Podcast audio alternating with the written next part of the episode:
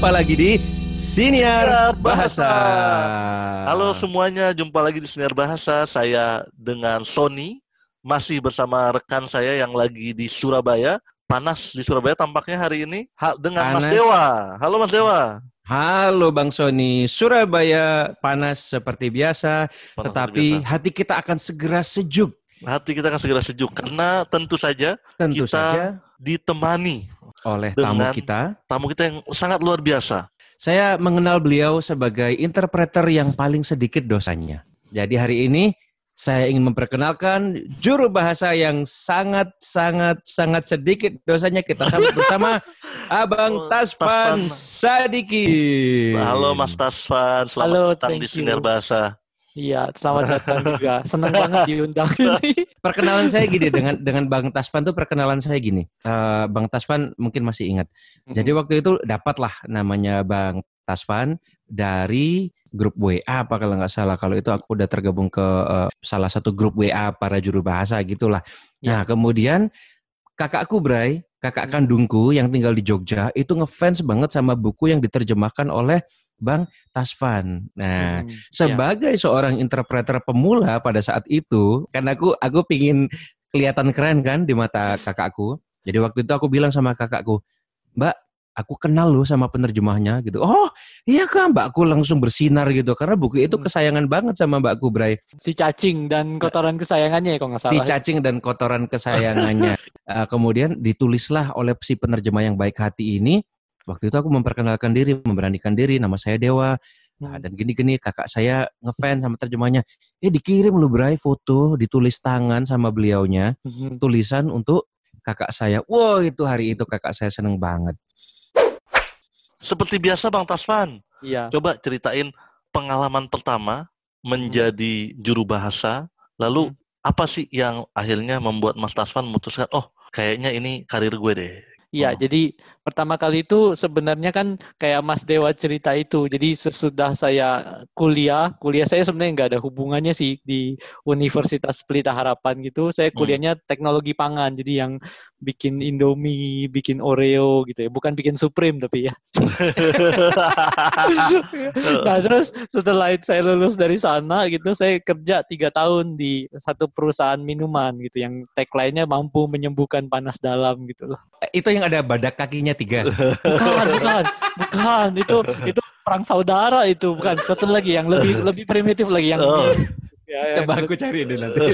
Badak, Terus, terus. badak yang- kakinya yang depannya tiga. a- yang depannya adem gitu. Oh, iya iya iya. Tiga tahun tahan Iya iya situ. iya. Terus Oh, gitu. kayak ngerasa bahwa kok ini ya apa panggilan hatinya bukan ke teknologi meramu dan meracik itu. Padahal sebenarnya saya udah tergolongnya lumayan lah. Maksudnya kalau boleh cerita ya bahwa Mm-mm. tempat kerjanya udah kayak lobby hotel, terus labnya Oh, bener-bener kayak lab yang di wow. iklan-iklan gitu ya. Eh, Semuanya Bang Tasman di situ bagian apa? Saya di bagian R&D-nya. Jadi Oh, kalau kita sering jadi Wow. kebanyakan saya juga udah bilang ini kok aneh ya sayanya nggak bersyukur gitu loh. Padahal kalau teman-teman lain kerja di bagian QC kan kesannya kayak robot banget. Hari ini harus ngecekin ini, ban, pokoknya ban berjalan banget deh gitu. Sedangkan Iya, kalau yang di R&D kan Mm-mm. kita kayak di apa di kelasnya Profesor Snape gitu loh. Kita boleh Hmm. racik-racik, kita boleh nganu ini, nganu itu gitu. Pokoknya Wow. setiap hari penuh dengan variasi. Tapi nggak tahu kenapa hatinya nggak di situ gitu. Jadi Mm, setelah mm, mm. tiga tahun saya memutuskan memang saatnya waktu itu keluar dari perusahaan. Saya langsung kebetulan ditawarin kerjaan jadi penerjemah, tapi penerjemahnya di yayasan Buddhis, jadi kayak yayasan keagamaan. Saya kan di situ bang. Itu benar-benar lompatan yang gila nggak sih Bray? Iya benar Bray ya. Kerja di sebuah perusahaan yang Mm. kalau kalau mau disebutkan Bang Tasman, kalau nggak juga Iya. nggak apa-apa. Itu Iya, kan iya. berapa tahun yang lalu ya? Waktu meninggalkan perusahaan itu gajinya berapa Bang Tasman? Itu kecil lah. Nggak, Waktu itu kan saya cuma cuman kayak supervisor lah, paling cuman Oh, cuman berapa sih tiga atau empat gitu. Tapi Mm, terus mm, terang mm. waktu saya eh, meninggalkan tapi perusahaan- meninggalkannya untuk pekerjaan yang justru kayak charity ya? Iya, memang saya udah tahu itu apa yayasan ini juga bakal charity dan bahkan sebenarnya waktu dua dua tahun pertama saya di Hmm. uh, yayasan itu saya sebenarnya nggak dapat gaji, saya dapat gaji dari per project gitu. Jadi kalau project Hmm, terjemahnya selesai saya baru digaji gitu. Jadi Hmm, sebenarnya jadi- saya turun gaji. Wow. Jadi Mas Tasvan panggilan hatinya nggak di perusahaan itu lalu resign walaupun belum ada pekerjaan pengganti gitu. Ya kalau lagi ngomong jujurnya sebenarnya bukan resign, saya lebih tepatnya kadang-kadang kalau bisa dibilang di PHK di situ. Hmm, Karena hmm. kebetulan hmm. ada kebetulan memang nasibnya memang sudah ke arah sana lah. Memang hmm. kita ada pengerucutan seperti itu. Hmm. Ya bilang ya udah mendingan saya di PHK aja karena saya udah terus terang waktu itu mentalitas saya masih masih tajam ya, nggak nggak rounded kayak sekarang. Jadi uh, hmm. main bakar jembatan bakar jembatan aja dan saya sih ya. menyarankan bahwa janganlah seperti saya gitu sebab sebenarnya jembatan itu kalau dibakar membangunnya sangat sulit kembali gitu loh dan hmm. ya sulit lah kayaknya teman-teman butuh penerjemah dikit nih tadi tentang perihal bakar jembatan itu jadi intinya buat teman-teman buat teman-teman yang kali aja belum tahu maksudnya Bang Tasvan misalkan hmm. ketika kita meninggalkan sesuatu itu jangan sampai kita membakar tali silaturahmi gitu ya kira-kira kurang lebihnya betul ya banget, betul banget, hmm. betul. Jadi nggak nah, suka nggak apa-apa, tapi jangan suka, sampai apa -apa. jangan sampai kita memutuskan gitu. Itu yang betul, dimaksud Bang Taswan membakar jembatan betul. gitu ya. ya Oke. Betul. Silakan lanjut Bang sangat setuju banget itu. Itu pengalaman pahit sih. Intinya juga nanti ya nanti adalah. Tapi kita lanjutin dulu. Jadi setelah hmm. itu kan saya ini uh, nerjemahkan di yayasan ini dan saya ikut selama 10 atau 11 tahun kemudian dan nah dalam beberapa tahun kemudian tuh mulai ada penerjemahan buku. Salah satunya juga membantu proyek untuk bikin buku-buku yang di hmm. yang tadi di si cacing dan kotoran kesayangan ini. Jadi ceritanya buku si cacing itu kan isinya 108 cerita singkat spiritual dikarang oleh seorang biksu dari Australia ya. hmm. ya. Jadi biksunya kelahiran Inggris tapi wiharanya di Australia. Jadi setiap tahun tuh kita ngadain tour keliling eh, kota-kota di Indonesia untuk ngadain semacam talk show sama kayak peluncuran buku. Dan itu ternyata cukup shock ya, kaget banget bahwa ternyata itu buku sangat laris di Gramedia dan waktu kita bikin talk show tuh pasti 60% yang datang itu justru non Buddhis gitu loh. Padahal hmm. yang ceramah kepalanya pelontos gitu. Jadi kita agak-agak surprise banget. Nah, terus ceritanya kalau saya jadi interpreter kenapa bisa jadi seperti itu ya saya juga utang budi juga lah sama guru besar Acan Bram itu karena di salah satu dari berbagai macam roadshow keliling itu mm-hmm. ada satu ketika kita udah punya kita udah punya interpreter lain dari Palembang. Jadi kita selalu datengin beliau namanya ini uh, Kohendra ya. Hmm. Nah, jadi suatu hari waktu di dalam tour yang cukup melelahkan itu, Anda bisa bayangin waktu lagi prime time, waktu zaman-zaman beliau masih cukup muda gitu, 10 tahun yang lalu, itu bisa aja 10 hari itu berturut-turut, pindah kota, pindah kota terus setiap hari. Bahkan yang paling panjang hmm. 14 hari, itu 14 hari cuma ada waktu dua hari istirahat, kita pindah ke 11 kota, eventnya 11 kota, bisa bayangin. Ini jadi nah, konsernya Noah. Jadi,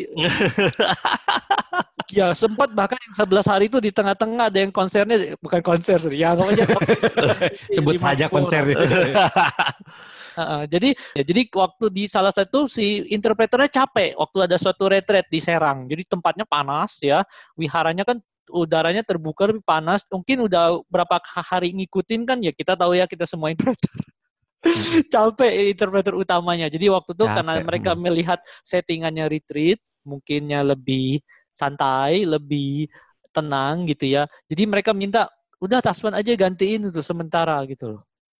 Jadi waktu itu uh, biksunya duduk ceramah, semuanya pada duduk kan kalau retret itu paling enak kita interpret karena satu pesertanya pada tutup mata semua jadi ya bodo amat lah mereka juga nggak ngeliat gitu.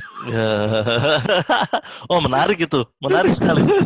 itu sudut pandang yang jarang diketahui orang ya, terus jadi konsekutif awal-awal. Jadi kalau beliau ngomong satu atau dua kalimat, kita terjemahkan. Dan waktu itu nggak tahu kenapa mendadak saya bisa melakukannya dengan sangat baik. So if I can summarize, Bang hmm. Taswan itu keluar dari kerjaannya, membantu menerjemahkan buku ya, untuk sama kitab, yayasan gitu. dan kitab eh, ke bahasa Indonesia kan ya. Kemudian setelah kan ikut nih di di lembaga itu ya, sebagai ya, penerjemah ikutnya. Ya, sebagai penerjemah. Lalu all of the sudden mereka bilang, Taswan coba bantuin terjemahin, eh juru bahasain gitu. Iya, betul. Das, das itu sangat menarik, uh, Bang Taswan. Iya, hmm. maksudnya waktu itu juga gue gak gak gerdek juga gitu loh. Tapi mau gimana gitu, saya aku ngelihat memang si, uh, interpreter utamanya udah udah capek banget gitu ya. Terus juga hmm. hmm. bukannya apa kan, uh, terus terang ya ingatanku lumayan baik gitu. Jadi kak kalau dia bikin satu cerita ceramah itu selalu banyak sisipan ceritanya. Makanya ceritanya dibukukan sangat laris itu kan. Jadi kekuatan yeah. dan keunggulan itu ada di ceritanya dan hmm. setiap kali dia mulai cerita itu aku udah bisa tahu cerita apa yang bakal di diucapkan. Jadi it, it really helps gitu dalam menjuru bahasakan gitu loh. Mm-hmm. Dan, oh, yeah, dan yeah, orangnya yeah, juga yeah. dan you you cannot have a resource person who is more who is kinder to you gitu karena dia ngerti banget bahwa ini adalah satu situasi retreat sangat mudah saya juga udah Mhm, mhm. paham uh, konteks dan maknanya. Yang kedua dia benar-benar memperhatikan kita gitu. Dia nungguin kita kalau kita tuh kayak kesulitan atau apa. Jadi pancarannya tuh sangat terasa. Jadi ya, ya anggap aja kita tuh kayak dimomongin lah gitu loh waktu Enak itu. banget Hmm, dapat iya, klien gila kayak gitu itu. ya. Itu Eh, klien iya plus ya. mentor. Iya, Dan iya, itu iya, konsekutif by the way. Konsekutif. itu. Konsekutif, konsekutif. Oh, Makanya saya that's- datangnya dari konsekutif. Wow, nice, nice, nice. Dari Heeh. situ kemudian itu kan pertama, kemudian Itu pada pertama. akhirnya memutuskan oke ini kayaknya karir gue deh. Itu ada di Oh, momen enggak. apa?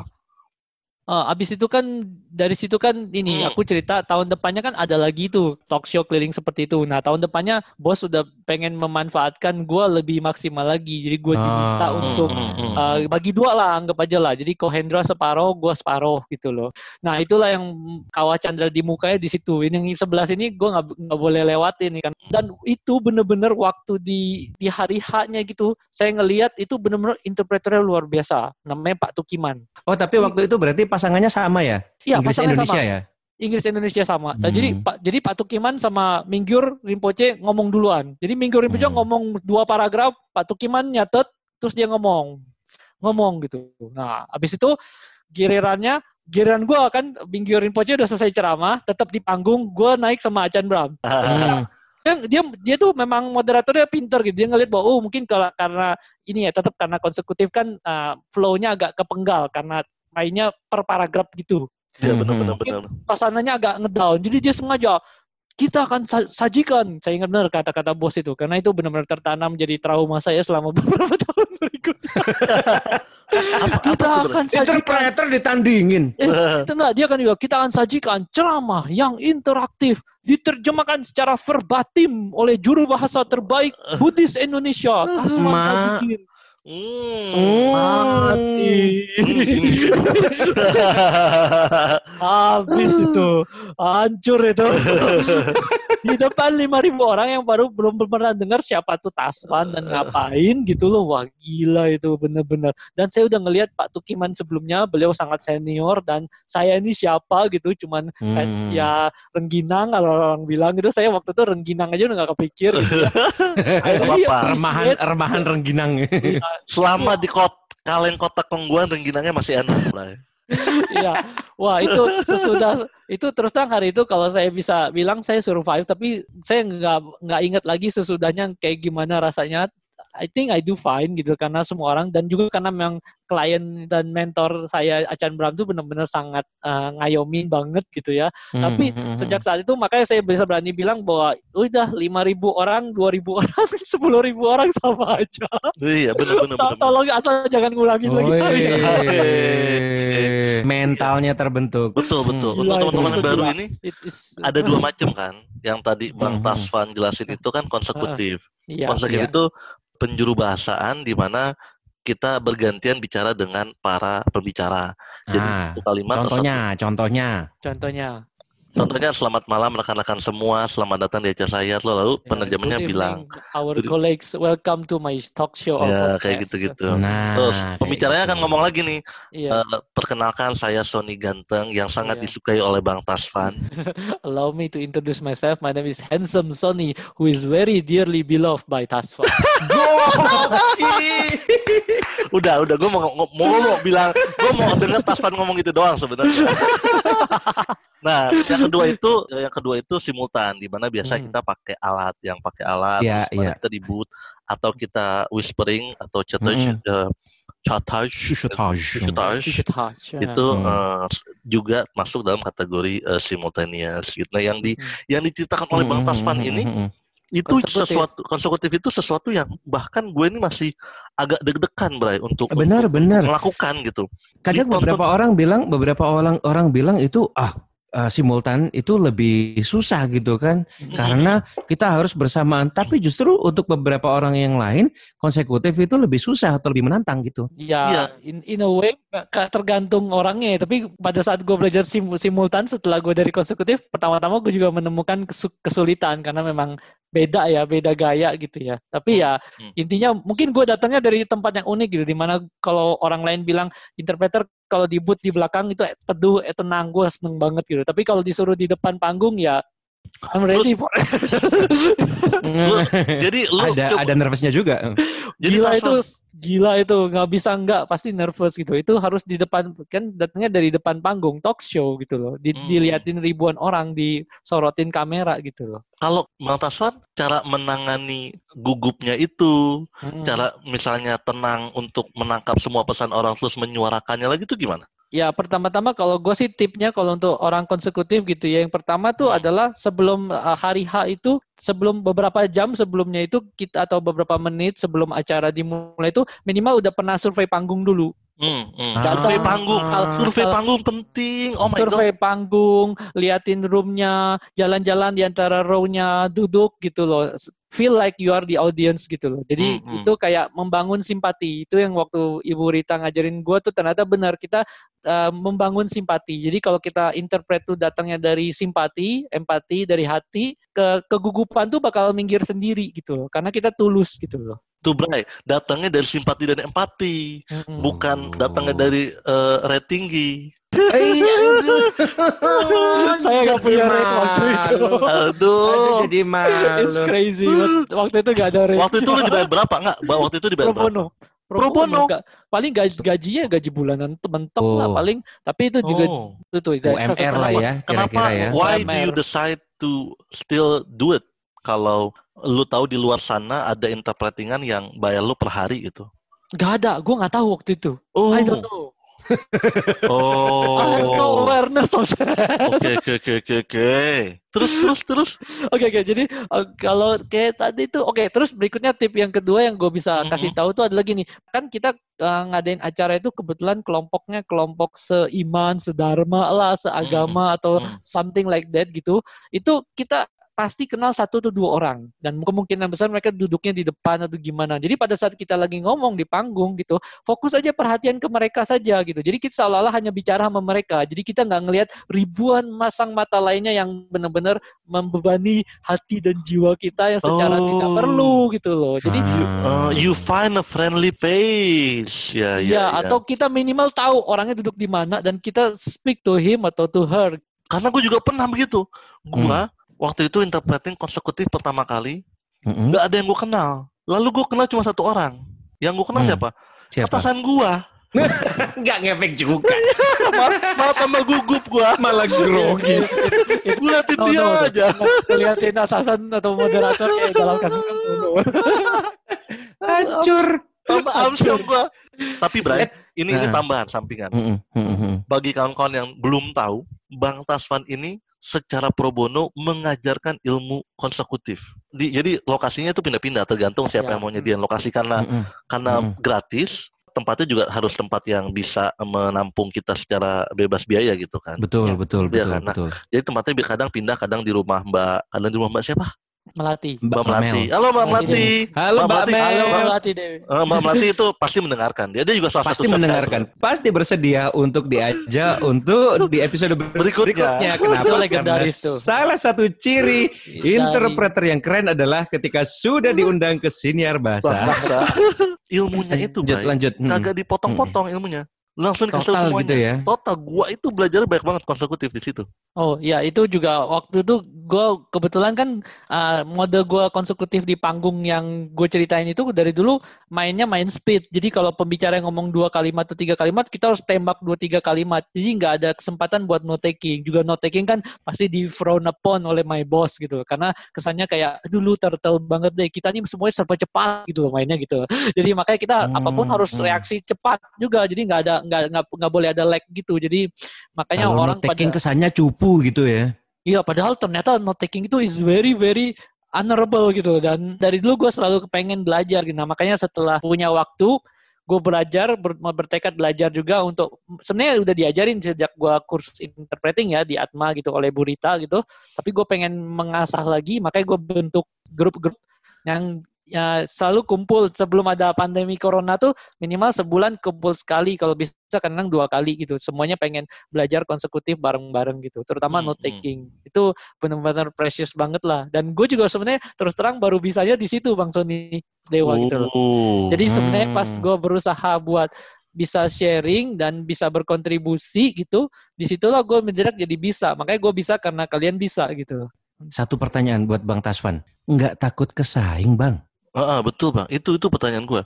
Gua kan Jakarta pertama. kan keras. Eh, hmm. Terus terang kalau untuk konsekutif that's never been on my mind at all gitu. Karena gue cuma kepengen bahwa orang-orang yang tampil suatu hari gitu ya. Misalnya gue membayangkan banget gitu loh bahwa kalau misalnya peralatan mendadak rusak gitu loh. Terus mendadak semua orang harus dipanggil di panggung gitu. Atau kayak kasus yang paling sederhananya gila mendadak ada makan malam men dan kebetulan alatnya lagi nggak bisa dibawa masuk ke makan malam gitu karena bisa beradu sama piring sama karbu Hmm, hmm, hmm.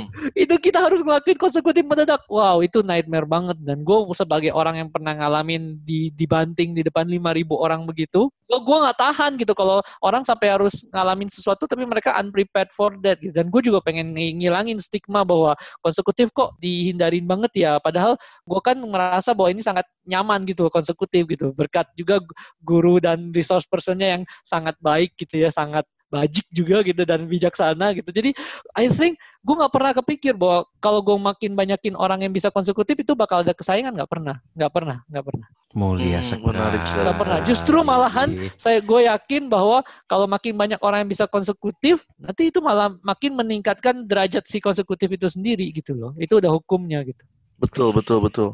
Betul, Bray. Ini ini menarik nih, Bray. Karena gue gue pernah dengar dan gue sering mengulang kalimat high tide rises all ships gitu. Jadi air Hmm, pasang hmm, hmm, itu hmm. meninggikan semua kapal, kurang lebih gitulah, ya kan? Ya, ya, ya. Gue ya. sepakat itu sama kalimatnya Tasvan. Karena Hmm, hmm, hmm. kalau semua yang penting sekarang adalah semua orang merasakan manfaat didampingi oleh juru bahasa, gitu Hmm. kan? Itu dulu, betul Betul. Iya kan? Hmm. regardless siapa pun juru bahasanya. Siapa pun Karena- juru bahasanya. Siapa pun juru Hmm. bahasa, karena kalau orang itu merasakan manfaatnya, kalau dia dengar ada orang butuh jasa interpreter atau juru bahasa, dia kan kasih tahu kemarin gue pakai tuh juru bahasa, coba deh lo pakai, gitu. Jadi Hmm. kita membantu membesarkan industrinya, bukan bukan bukan Bukan kayak- orang per orangnya Iya, ya. orang per orangnya. Kita kan sebagai satu individu paling bisa ngambil satu atau maksimal dua job half day dalam Iya, satu iya. hari, ya kan? Hmm, hmm, hmm. Ya kalau daripada memusingkan misalnya ini klien gua, lu nggak boleh ambil nih klien gua, padahal eh, apaan gitu kan yang eh, yang kayak gitu.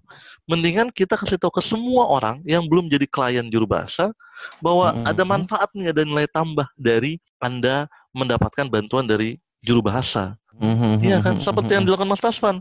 luar biasa Bang Tasvan. Iya, lagian memang kalau memang bisa konsekutifnya bagus, itu simultannya kebantu banget. Karena kita bisa hampir nebak jalan ceritanya mau ke mana berikutnya. Meskipun nggak selalu tepat sih, tapi minimal kita frame of work-nya nggak kalimat per kalimat ngegantung kayak jalan di atas tali, nggak. Kita udah ngelihat seluruh ring sirkus itu, jadi kita pas jalan di atas talinya lebih enak Hmm. gitu loh. Terus Hmm. coba dong Mas Tasvan dalam waktu singkat ini coba kasih tahu cara orang yang kalau baru mau mulai konsekutif eh, apa sih tips triknya?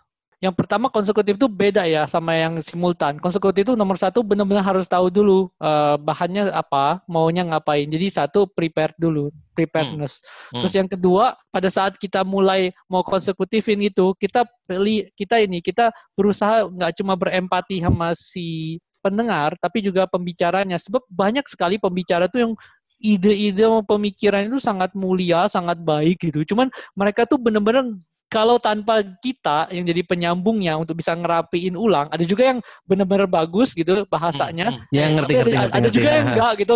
Nah, iya, iya, itu iya. kemampuan terhebatnya bisa ngerangkai bunga kembali. Nah, terus menurut gua Ah. menurut gua merangkainya kembali menjadi indah dan benar-benar mengena gitu semua yang dia pengen maksudkan gitu semua nuansanya itu benar-benar a great service dan itu benar-benar dihargai oleh baik si pembicaranya maupun si pendengarnya. Terus yang ketiga di harus dipahami bahwa konsekutif itu bukan adu cepat ya. Di dalam kita merangkai Menarik ulang tuh. itu Hmm. ada jeda. Kalau di dalam meditasi itu ada yang dibilang kayak ada ke, ada ke, kekosongannya. Nah, kekosongan dan dari flow itu di situlah ada momen yang memungkinkan kita untuk improve improvisasi. Di dalam kekosongan dan Hmm. keheningan itu dalam flow itu itu nggak ada nggak ada kita nggak ada si Tasvan, nggak ada penerjemahnya, nggak ada speakernya, yang ada cuma tariannya kita. Dan di situ kita memungkinkan kita untuk narik napas, itu dimungkinkan. Semua teatrikal bisa dimungkinkan. Jadi sebenarnya konsekutif itu nggak harus kayak kita harus liatin catatan terus, kita harus ngomong terus. Enggak, kita mau cukup mengulang kembali emosi dia dengan jeda dan cara kita sendiri. Jadi kita harus bisa Wow. melakukannya dengan santai, elegan. Jadi bagus gitu loh semuanya. Jadi jangan terlalu stick pada momen itu. Momen itu dibikin mengalir. Nanti semuanya bakal mengalir dari tarian gitu loh. A dance, a great dance. Wow. Oh. Filosofi Terus, seorang jurbaya. Ya, makanya yang ketiga butuh theatrical. Pertama kalau Yes. memang lu lu nggak bisa, you you have to fake it gitu. You- if you cannot become a, a a great dancer, you have to fake it first gitu. Fake it itu fake it until you make it. Hmm, Soalnya hmm, fake it yang pertama itu adalah Hmm, minimal gini, hmm, gue hmm, punya pengalaman nih termasuk ya. Jadi dari Hmm. cara minum pun kita harus tahu caranya. Jadi waktu pertama gue pernah hmm. ingat depan panggung di Medan 3000 orang itu, gue pernah ditanya apa gitu, gue sal- salah ngomong, terus gue buru-buru ngambil minuman, minumannya tumpah lagi. Jadi itu kan it's, it's really really really uh, apa kayak in a pinch gitu. Jadi Heeh. udah jatuh image lah kalau orang bilangnya gitu loh. Makanya dari situ gue selalu belajar, gue dia, diajarin juga caranya untuk bikin theatrical. Jadi kalau misalnya pembicara ngomong, memang kadang-kadang pembicaraan juga nyeleneh ya, seneng seneng ngegoyonin, musikin gitu ya. Dia ngomong 5, Hmm. 6, 7, 8 kalimat gak ada berhenti berhenti berhenti. Terus mendadak ada keheningan. Habis itu pasti penonton ketawa, ger gitu loh. Mereka pengen lihat kita bisa Iya, nggak? iya. Ah, benar benar. Ah. benar. Kalau kayak gitu, jangan panik. Memang sih waktu itu ini apa tenggorokan gue kering, jadi gue ambil aja, gue ambil aja nih, gue ambil aja nih eh, gelas, terus gue nggak minum buru-buru, kalau buru-buru tambah eh, eh, lupa lagi yang 7-8 kalimat, jadi gue sengaja minumnya dengan penuh kenikmatan gitu. Audiensnya juga nungguin ya. Ini Iya, ngomong apa dan nih mereka ketawa, ger gitu. Mereka sebenarnya dukung kita, come on, you can do it gitu. We are waiting for you. Gitu Dan gitu mereka- ya. Dan untuk nambah itu kita butuh theatrical. They are because they are hanging and waiting for every word. Jadi gue sengaja minumnya gitu. Kayak Langsung. iklan, Bay. Kayak iklan. Jadi saudara-saudara, bla bla bla bla bla bla bla bla bla bla bla bla bla bla. Begitu selesai semua tepuk tangan. Nah, pada selesai tepuk tangan, you're on fire. The dance begun. Gitu loh. Hmm. Jadi waktu itu lu udah nggak mungkin kalah lagi. Udah udah di atas. ya Gokil jadi banget loh pengalamannya. Jadi, jadi tiga tiga tadi itulah menurut saya sih. Yang pertama udah jelas kita harus prepare. Yang kedua kita berempati, ya tahu bahwa ini adalah flow, bukan berarti kita harus otomatis semuanya gitu. Kita harus Mhm. tetap jadi manusianya, jadi penjembatan antara mereka. Yang ketiga theatrical, Hmm. karena ini public Mhm. speaking, sorry. benar benar. Bener-bener benar. karena kan bayangin coba ket- kita kan dikasih tahu bahwa look guys kalau lu adalah juru bahasa yang baik lu harus mengcapture tidak hanya kalimatnya tapi lu juga harus capture pesannya di Hmm. balik kalimat itu dan juga emosinya ya kan? Emosinya. Tuh. Mm-mm. Nah, ketika kita di booth kita hanya bisa menyuarakan emosi tersebut dari intonasi suara kita ya kan. Mhm, Ya. dan-. Ketika lu ada di stage bersama pembicara lu harus menirukan emosi pembicara itu. Iya, justru dengan kebalik. instrumen yang lebih banyak ya. Betul, betul. Mimik Gerakan muka, tubuh. gestur Hmm, badan. benar-benar. Justru ada yang bilang posisi kalau menurut gue ke- teorinya kebalikan. Jadi setelah gue belajar tentang apa ya kebatinan tanda kutip ini, gue justru memahami bahwa kalau kita pengen punya memori kita tuh bukan di, di diukur dari misalnya gini kita memori saat konsekutif. Kita Hmm. bukan ngelihatnya datang dari eh, ngapalin kalimat demi kalimat, bukan kita ngapalin dari gambar. Jadi dia lagi cerita apa Hmm, dari gambar. Oh, ya ya ya ya. Nah, memvisualisasikan gitu ya, Ya, Bang Tasman. nah, gambar itu lebih terang, lebih jelas kalau emosinya ke capture. Jadi urutannya kebalik, bukan kalimat dulu baru gambar baru emosi enggak. Kalau gue kebalikan, emosi dulu baru gambar baru kalimat. Hmm. Hmm. Jadi emosinya pasti dapat. Dan kalau emosinya pasti Uh. dapat, lu pasti niruin dia pek mentok. Udah pasti orang appreciate gitu loh. Hmm. Oh, menarik, menarik. Jadi literally lu Dalam tuh, Bray. nangkepnya maknanya dari Emosi. emosi dulu. Iya, karena Hmm. manusia makhluk emosional. Betul betul. Betul, ini betul, ini betul. yang Iya, dengerin iya. podcast kita dari episode 1 sampai 5 ahli langsung. Ya kan? Iya, mau- yang ngikutin mau- dari episode 1 tiba-tiba pakar nih di episode Iya. ini. ya, ke- kecuali kecuali kalau misalnya maaf nih kita, kita interpret Pak Yuri gitu loh atau kita interpret orang dari BPS. Udah itu nggak ada nggak ada gambar sama sekali Bapak Ibu. Data semua. Pak ada Yuri yang- dari tim COVID nasional ya. Nah, itu kalau statistik segala macam ya udah memang lu terpaksa mendang, meng- me- mengambil dari sudut pandang angka gitu. Hmm. Maaf Hmm. gitu sebab emosinya nggak ada gitu. Ya, Benar, ya, benar, ya, benar, benar. Tapi kalau gini, Bray, kalau kita pindah nih, Hmm. kan lu udah nih, ya kan, dapet ah, nih job, ya kan, udah mulai, Ah. udah ada satu satu klien lah, hmm, walaupun semi pro bono, ya kan. hmm. Terus kan lu udah mulai harus menawarkan diri dong sekarang karena lu udah full time di interpreting kan, Iya, iya, ya kan. betul. Cara lu menawarkan diri gimana sih, Bray? Boleh dikasih tau nggak ke orang-orang yang kok masih merasa kok kayaknya gue nggak dapet job nih. Cara lu awal-awal dulu ketika nggak punya job, ketika nggak kenal siapa-siapa, cara lu menawarkan diri sampai sekarang ini gimana? Ah, kurang tahu ya. Menurut gue sih, gue termasuk interpreter yang nggak punya klien. sampai sekarang jadi Tapi dia damai. sama iya benar ya damai. Tenang. Kalau gue Hidup bilang sudah ada, ada yang ngatur. ya ada yang kalau bilang ada aja ya waktu covid ada aja yang sebelum ini ya, ya sebelum sebelum covid juga mulai ada aja gitu. Tapi menurut gue gue kayaknya kayak kayak kalau gue boleh mengevaluasi diri ya, mengkritik diri sendiri, kayaknya orang-orang tuh seneng dengan work ethic gue. Work Hmm. ethic. Jadi if- Ya, jadi Hmm. menurut gue mulai dari gini, kalau gue boleh cerita, waktu itu kan gue udah lama di yayasan, gue udah tiba saatnya membangun rumah tangga. Jadi betul. sering dengan gaji yang cuman eh, yang gak gitu, nggak apa, yang cukup hanya cukup untuk diri sendiri, tapi nggak Mhm. cukup untuk berdua, apalagi bertiga gitu ya. Jadi gue Mhm. memutuskan, udahlah gue benar-benar minta tolong gitu loh sama seorang penerjemah senior ya namanya Tante Desi boleh nggak aku mulai ngambil kerjaan lebih mainstream gitu loh jadi Hmm. sama Tante Desi, Desi Subakti ya, itu adiknya Tante Nivi, Sofia Mansur. Oke, Hmm. oke, Nah, oke. itu beliau bantu saya banget, saya benar-benar utang budi sampai hari ini gitu loh. Dan beliau ngasih saya banyak kerjaan yang masih translation. Jadi masih masih masih ini ya, masih tulisan. Tulisan, masih tulisan. Ah. Iya, iya. Sambil itu saya masih uh, kursus gitu ya di Atma Jaya tentang interpreting karena saya tahu dunia interpreting itu kan nggak bisa cuma dunia talk show doang gitu. Pasti banyak sekali tantangannya dan itu benar-benar selama satu tahun itu benar-benar saya digembleng gitu di sana dan kayaknya di mana pun saya itu saya selalu berusaha untuk kayak orang-orang tuh kelihatannya impress gitu dengan saya punya work ethic gitu. Misalnya nggak tahu kenapa kalau di kelas selalu jadi ketua kelas. oh, udah bakat, gimana gimana gimana. udah bakat Aduh. tampil dari Aduh, sononya berarti. Iya, pokoknya benar, ngerti dah. Mungkin tampilannya kalau kacamataan gini kira, dikirain intelektual pinter gitu. Tapi nggak juga gitu. Tapi intinya dari situ untuk pertama kalinya saya disuruh dampingin Jaika dari Ibu Ibu, Ibu Rita kasih saya ya, semacam eh, job untuk Jaika gitu loh. Nah, jadi eh, Oh. Jaika interpreternya Jepang Jaika. ya? Nah, dari Hmm. situ Hmm. ya Jaika, um, Jaika itu juga kema ini kan proyek bareng kan Mas Dewa kan yang Jaika Iya. mereka bikin buku ya. Iya. yang satu one part di Jakarta, di other part di Surabaya. Oh, Ah. yang di Jakarta itu Bang Tasfat yang ngerjain. Iya, ya makanya kita kan kontak-kontak waktu itu. Wow. Ah, Iya, yang ceritain Sungai Berantas ya. Jadi Ah, benar-benar deh baru. luar biasa itu. Saya masih Betul. ingat. Ah, ah, saya masih ingat ceritanya. Wow. Dari situ udah hubungan sama Jaika, iya. Abis itu mulai kenal sama yang lain-lain perlahan-lahan ikut HPI segala macam. Ya, I think kalau orang udah pernah ngelihat atau tampil bareng gua, I don't know gitu. Tapi somehow mendadak kerja lagi, kerja lagi, bareng lagi, bareng lagi gitu. Sam- Sampai sekarang gitu loh. Wow, jadi ini Bray, kalau gue bisa Hmm. rangkum ya Bray ya. Jadi bayangin ya, Tasfan ini kerjanya dengan niat membantu dulu, ya kan? Belakangan rate-nya dia. Hmm. Kemudian dia nggak tahu nih cara memasarkan dirinya, tetapi dia tahu cara membantu acara orang, ya kan?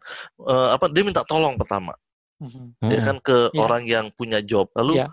dikasih dong pasti, pasti dikasih satu. Hmm. Ketika lu minta tolong ke orang pasti dikasih satu nih. Mhm. Satu itu kalau lu ngasih tahu bahwa nih gue bisa memberikan nilai tambah dan yang Taslan bilang tadi eh, work ethic gue bagus, pasti diingat orang. Iya, That iya, betul itself. That Hmm. itself adalah cara kita memasarkan diri kita. At the end of the day kita kan memasarkan diri kita. Kalau lu Hmm, eh, hmm. individual interpreter gitu ya, Iya, iya, iya, freelancer iya. atau Heeh. penerjemah ya kan. Jadi bayangkan betapa uniknya profesi kita, Bray. The Hmm, way hmm. we do our job itu Mhm. automatically market ourselves gitu. Iya. Iya kan? Ah. Betul. Ya, Iya kan kayak Ah. kalau kalau misalnya lu misalnya datang dengan eh, maaf ya saya eh, juru bahasa yang udah pernah di depan 10.000 orang, lu siapa ya? Permisi permisi gitu. ya. Hmm, Ya kan? hmm, By hmm, by hmm, all means hmm. Tasfan bisa mengatakan itu karena that's true. Kalau mau bisa banget, karena ya kan? ju- karena itu Mm-mm. terjadi gitu, nggak bohong gitu kan. Iya, betul. Iya kan? Bisa kan jadi. tidak Tapi mungkin keluar ya, itu dari ya. dari Mas Tasman. dan dan itu kan diingat mem- diingat orang. Orang kan mencari orang yang pertama tim player, kedua bisa membantu mereka. That's it, right?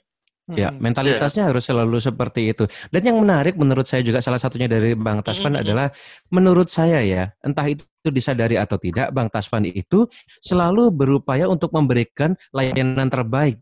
Layanan Sampai terbaik mungkin layanan ya terbaik. begitu sibuknya memberikan layanan terbaik sehingga lupa menjual atau memasarkan diri. Jadi kalau dibalik buat aku jauh lebih mudah tidak memasarkan barang yang sudah baik tapi dia akan terpasarkan dengan sendirinya dibanding kita sibuk-sibuk memasarkan sesuatu yang memang produknya tidak baik. Betul, betul. Kalau gue mau pengen tambahin sih memang karena gue datang dari latar belakang pro bono di mana kita ngutamain banyak pelayanan gitu. Jadi hmm. kadang-kadang harus dikasih tahu juga dan saya banyak belajar juga dari Ibu Rita gitu bahwa kebaikan kan memang harus ditularkan. Tapi juga the way kalau kita terlalu terlalu melayani seperti yang di di dalam konteks yang seperti tempat kerjaanku dulu itu akan membuat interpreter lain menderita katanya karena ah, orang iya, lain iya. dipaksa kenapa, untuk memberikan pelayanan yang sama gitu loh. Hmm. Exactly, exactly. Ya, jadi makanya gue, di, satu, di satu sisi benar. Kita memang melayani we give the best gitu loh. Tapi kita harus make sure juga bahwa kita nggak nggak sampai membuat yang berikutnya itu bakal harus menghadapi dinding yang sama gitu. Bukan berarti mengatakan gue menyebabkan standarnya tinggi atau gue menyebabkan itu jadi tinggi bukan. Tapi the way we conduct ourselves itu juga ya di situ gue baru belajar arti kata profesional. Karena sebelumnya kan gue cuman sekedar orang yang kerja di yayasan gitu. Jadi otomatis kita benar-benar harus all out kan. Semua apa pun kita kerjain kita gawain gitu itu beda nanti posisinya dengan saat jadi professional interpreter gitu. Hmm, good, good point. Tapi good kita dengan cara kita sendiri kita masih bisa give the best gitu loh, menurut gua gitu. Terutama kepada sesama interpreter menurut gua. Oh. Atau atau boot partner kita atau tandem kita. Gokil oh. sekali. Bang Tasman nih, terakhir nih dari saya Bang Tasman. Hmm. Kalau misalnya Bang Tasman ketemu sama diri Bang Tasman 10 tahun yang lalu lah. Hmm. Apa tips yang akan Bang Tasman kasih tahu ke diri sendiri 10 tahun yang lalu itu tentang juru bahasa tentang uh, terjemahan dunia kita ini? Ya, kalau gue bisa ketemu diri gue yang uh, 10 tahun yang lalu gitu ya, gue bakal menyarankan dia untuk untuk jangan takut, jangan menutup diri gitu loh. Dan don't be too hard on yourself, love yourself. Dan itu akan lantas akan membuka diri langsung dia sendiri yang 10 tahun yang lalu dari uh, mental blocknya sendiri gitu yang terlalu cepat memandang dunia gitu loh. Yang hmm. merasa terus terang waktu itu gue berani bilang gue merasa holier than you gitu loh. Tapi gue hmm. tapi di satu sisi terpuruk juga gitu jadi ya ya bipolar menurut gue gitu. Jadi itu itu nggak nggak bukan bukan hal yang baik tapi juga itu pengalaman yang baik. Karena itu menyebabkan gue bisa ngelihat berbagai hal yang dari satu sisi nggak cuman dari ya orang banyak memandang kita sebagai pekerja yang pekerja surgawi lah. Amal kita jariahnya banyak katanya. Tapi sebagai orang yang bekerja di situ pernah ngalamin itu kita nggak ngerasain seperti itu. Itu juga satu dilema itu pedangnya. Jadi ya menurut gue sih kita harus jujur mengatakan seperti Musashi pernah bilang ya di book Book of Five Rings gitu jalan menuju enlightenment itu ada banyak. Jalan pedang ada untuk enlightenment gitu loh jalan menjadi biksu ada. Tapi juga jalan menjadi pedagang menjadi interpreter yang baik jalan menjadi apa pun itu sama-sama bisa menghasilkan art tertinggi mencapai enlightenment itu. Jadi menurut gue gue bakal bilang sama dia bukalah pikiranlah pikiranlah pikiranlah pikiranlah pikiranlah pikiranlah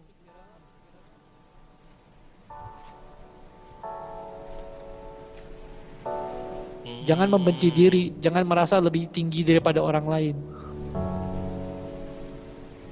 Uh, dalam karena itu. surga itu luas. Ais, karena surga itu luas. Surga Sedikit itu luas, nih kalau surga itu luas berai ini tambahan enak. Uh, Bang Tasvan yang Buddhis sudah membuka dengan surga itu luas. Aku tambahkan dengan yang sering kali diajarkan di kami di pengajian itu banyak yang bilang seperti ini. Siap. Kamu tidak bisa masuk ke surga sendirian. Kamu tidak bisa hanya beramal ibadah untuk dirimu sendiri dan berharap kamu masuk surga sendiri. Kenapa? Karena kalau kamu masuk surga sendirian, kamu akan kesepian di sana. Hmm, hmm. Wah. Amin. Amin, amin. Mendalam sekali. Jadi semoga mudah-mudahan kita semua yang berbicara di podcast ini dan uh. yang mendengarkan podcast ini semuanya masuk surga. Masuk surga. Amin. Amin. amin. Segera Tuh, jangan ya. pada waktunya, pada, pada waktunya. Pada waktunya. ya, nah, Bang Tasman, terima kasih Bang banyak sudah menyediakan banyak waktu ya. untuk ngobrol-ngobrol sama kita. Terakhir thank nih, you kalau banget, ada kalau teman-teman ingin mencari penerjemah terutama untuk yang sangat spesifik untuk tema-tema Buddhis ya kan atau spiritualitas, meditasi nggak ada lagi hanya satu orang ini yang perlu dicari. Mm-mm. Abang Tasvan Sadikin. Bang Tasvan, kalau teman-teman pendengar kita ingin mencapai atau ingin menghubungi Bang Tasvan langsung, Mencapai. bisa ke mana ya? Ya, nanti bisa dijangkau ya ke tasvan.sadikin@gmail.com. Silahkan. Saya ulang, tasvan.sadikin@gmail.com. Nanti Ya. kita tulis juga di apa di deskripsi podcast kita kali ini ya. Terima kasih banyak Bang Tasvan. Terima kasih banyak loh Bang Taswan. Terima kasih atas bincang-bincangnya. Terima kasih atas enlightenment-nya. Terima kasih buat yang sudah mendengarkan. kasih yang sudah mendengarkan. Thank you, terus thank you. pantengin Siniar Bahasa. Kalau belum mendengarkan episode-episode sebelumnya, silakan maraton. Klik saja.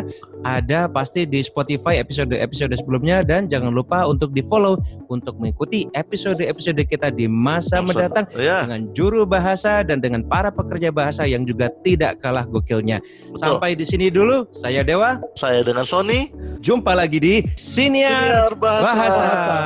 uh, okay.